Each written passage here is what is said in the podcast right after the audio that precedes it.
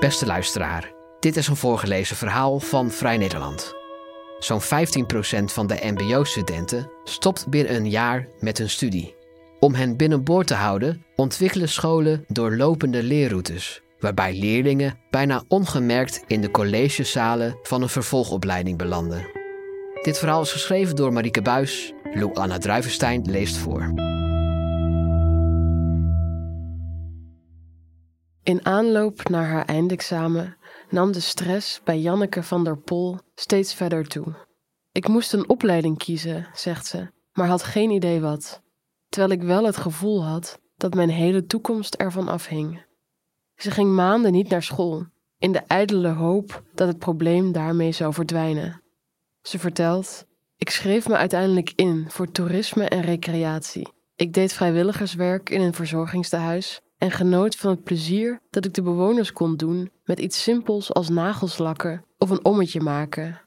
Misschien zou een baan als activiteitenbegeleider bij een vakantiepark ook die voldoening geven. Al gauw bleek het geen succes. Janneke zegt: Ik ben heel introvert en mijn medestudenten waren juist heel druk en aanwezig. Ik voelde me helemaal niet thuis. Ze stopte na een paar weken en werkte de rest van het schooljaar bij de HEMA. Janneke zegt: Ik was heel ontevreden over mezelf. Wat kan ik nu eigenlijk wel? Ben ik dan nergens goed in? Vele jaren en twee opleidingen later heeft Van der Pol haar draai gevonden.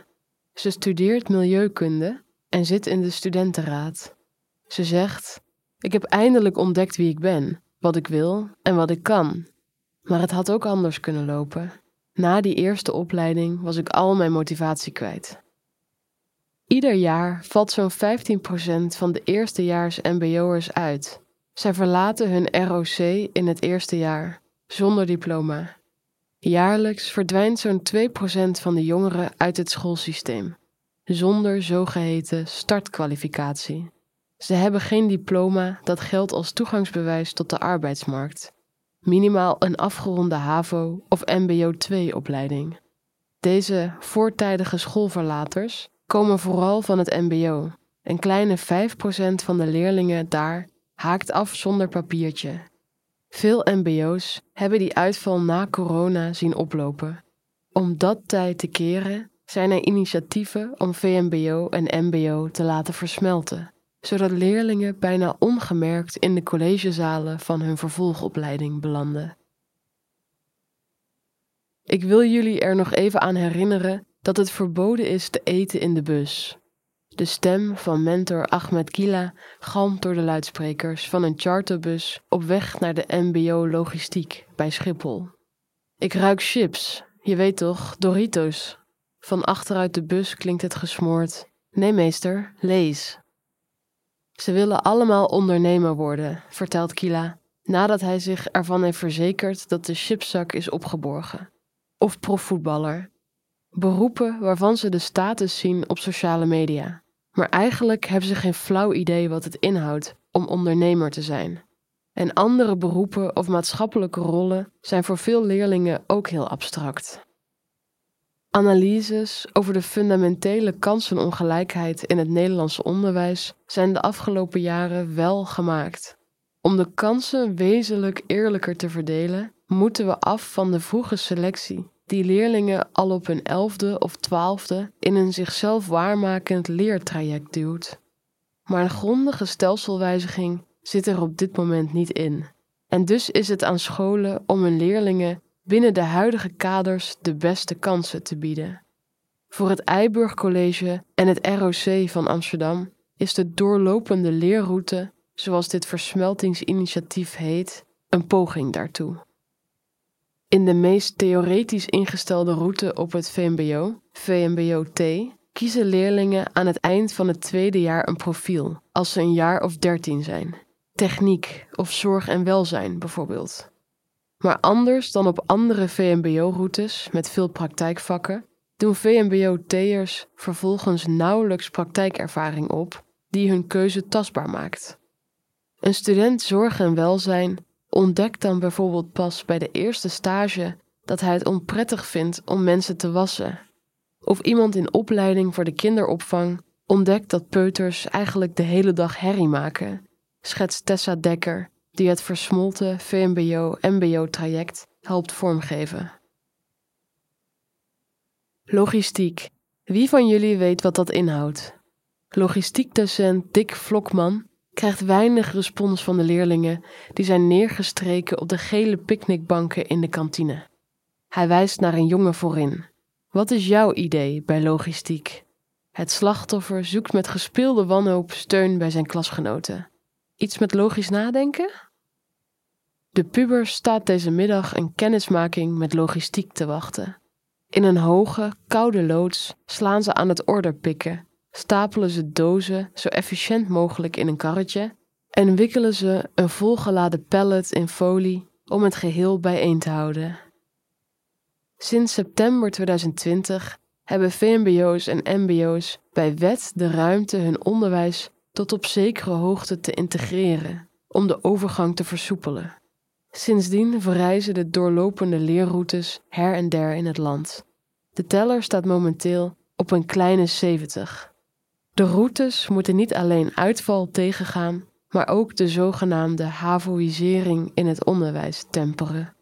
Jolanda Hogewind, directeur van het Eiburg College, zegt: De opwaartse druk is groot en dat voelen leerlingen. Daarom lonkt de HAVO. Die geeft status en is een uitweg voor leerlingen die niet weten wat ze willen. De keuze wordt zo nog even uitgesteld. Met deze geïntegreerde kennismaking willen we laten zien dat het MBO ook aantrekkelijk is.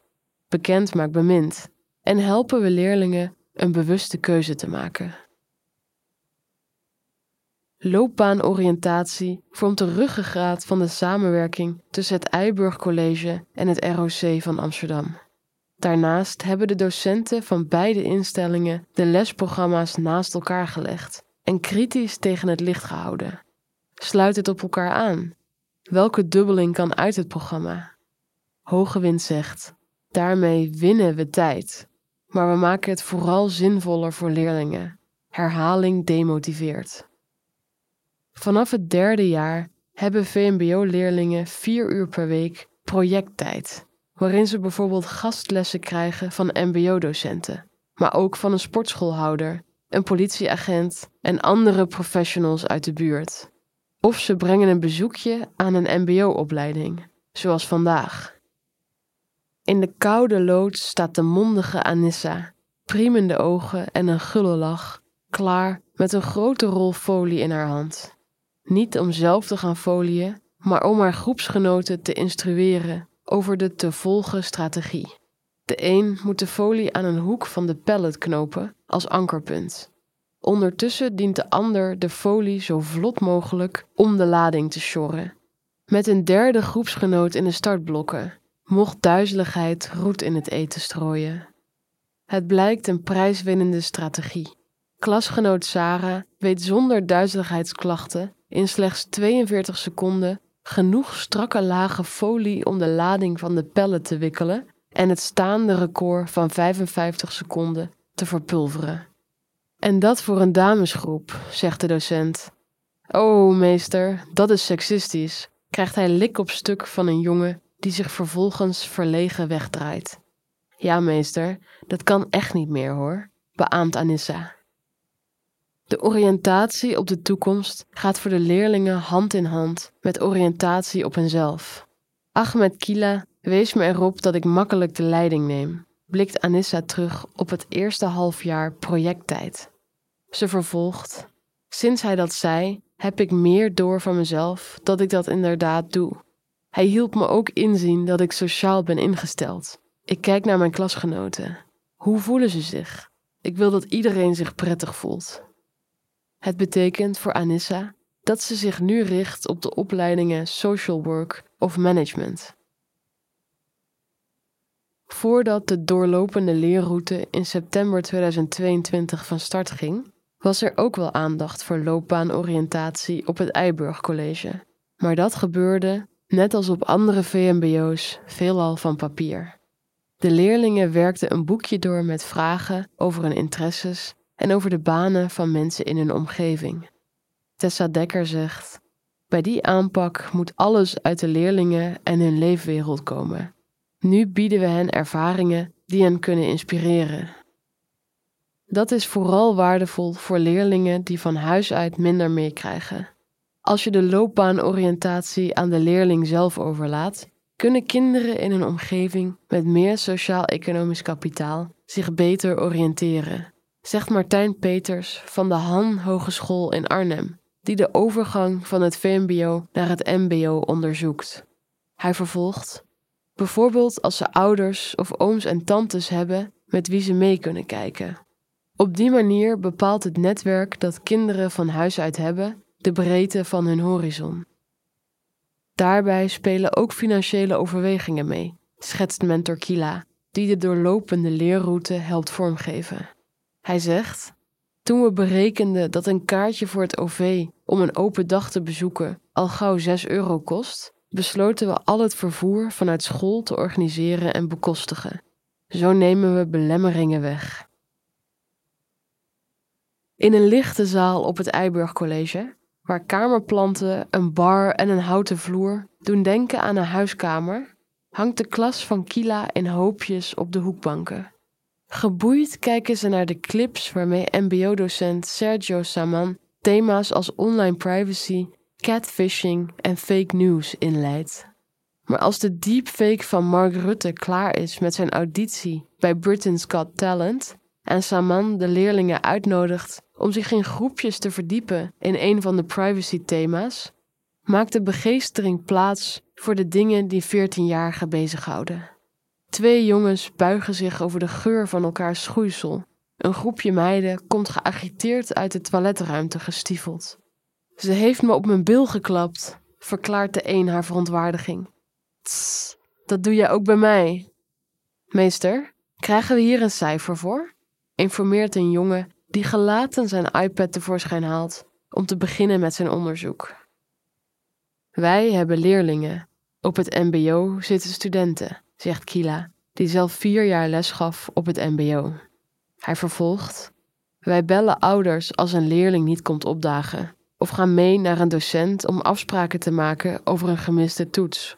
Na de zomervakantie zijn onze vierdejaars in een student, moeten ze het zelf kunnen.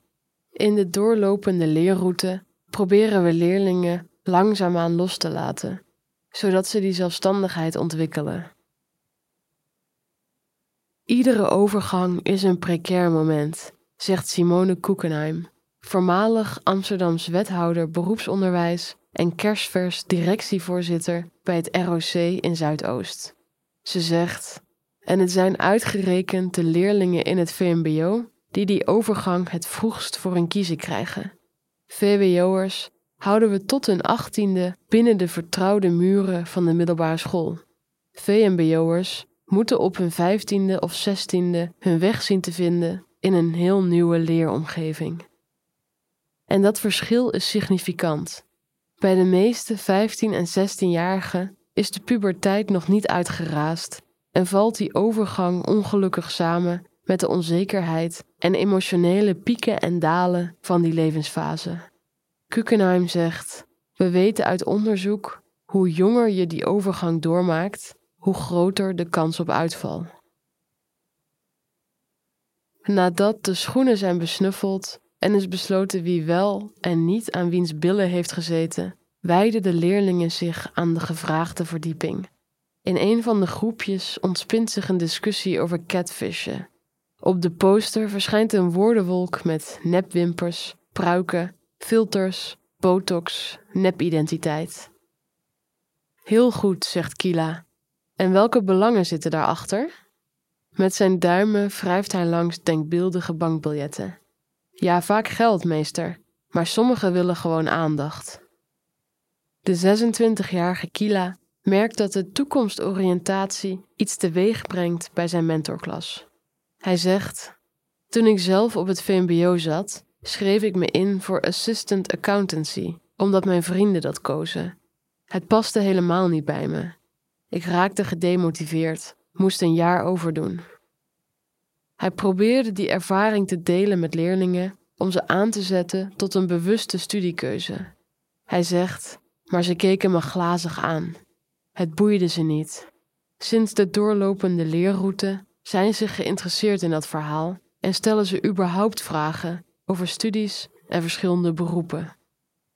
Kila geniet van het toenemend bewustzijn bij zijn leerlingen. Hij zegt: Ik geef ook economie en wil natuurlijk dat ze sommetjes leren maken. Maar uiteindelijk is dat niet het belangrijkste. Als docent wil ik mijn leerlingen klaarstomen voor een rol in de maatschappij. Ik wil dat ze weten wat daar te halen is en wat ze daar kunnen betekenen. Te merken dat dat lukt, is het mooiste dat er is. Het Eiburg College en het ROC van Amsterdam hopen dat steeds meer VMBO's zich aansluiten bij het project. Dat geeft genoeg massa om de oriëntatie bij alle MBO-domeinen mogelijk te maken. Hoge Wind zegt: en vervolgens willen we basisscholen erbij betrekken en ook het HBO. Uiteindelijk willen we een vloeiende en flexibele route van de basisschool naar het hoger onderwijs, om te ontkomen aan de opwaartse druk. Hoge Wind wil dat leerlingen daarbij de flexibiliteit hebben vakken op verschillende niveaus en in verschillende tempo's te doorlopen. Ze zegt: dan kan iemand met een andere thuistaal bijvoorbeeld meer tijd nemen om Nederlands af te ronden, zodat een taalachterstand niet langer betekent dat je over de hele breedte in een lager niveau wordt geduwd. Het hoeft niet altijd hoger of sneller, benadrukt Hoge Wind. Ze zegt: maar dat moet wel mogelijk zijn voor wie dat wil en kan. Dat geeft leerlingen het gevoel van eigenaarschap en zelfvertrouwen. En dat gevoel is iets wat jonge mensen die minder kansen krijgen heel erg nodig hebben in hun schoolcarrière. Fake news zie je veel op sociale media, in foto's en video's. Anissa somt de resultaten van haar onderzoek in rap tempo op voor een ongedurige klas na de les van MBO-docent Sergio Saman.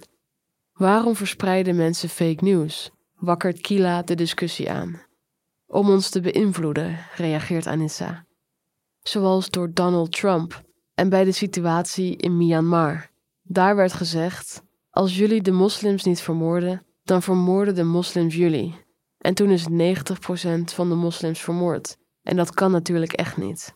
Dat is echt hartverscheurend, verklaart ze terwijl ze neerploft in haar stoel. Hoewel er nu nepnieuws sluipt in een presentatie over fake news, laat Kila het er voor het moment bij zitten. Pff, verzucht hij nadat de leerlingen het lokaal uit zijn gestoven. Hij zegt: Aan het eind van de dag valt er soms geen land meer met ze te bezeilen. Al dat zitten en luisteren vraagt veel van jongeren. Er is dus nog werk aan de winkel voordat Anissa en haar klasgenoten klaar zijn voor het leven als student. Maar ja, ze zijn dan ook pas veertien. De namen van de leerlingen zijn gefingeerd. De echte namen zijn bekend bij de redactie.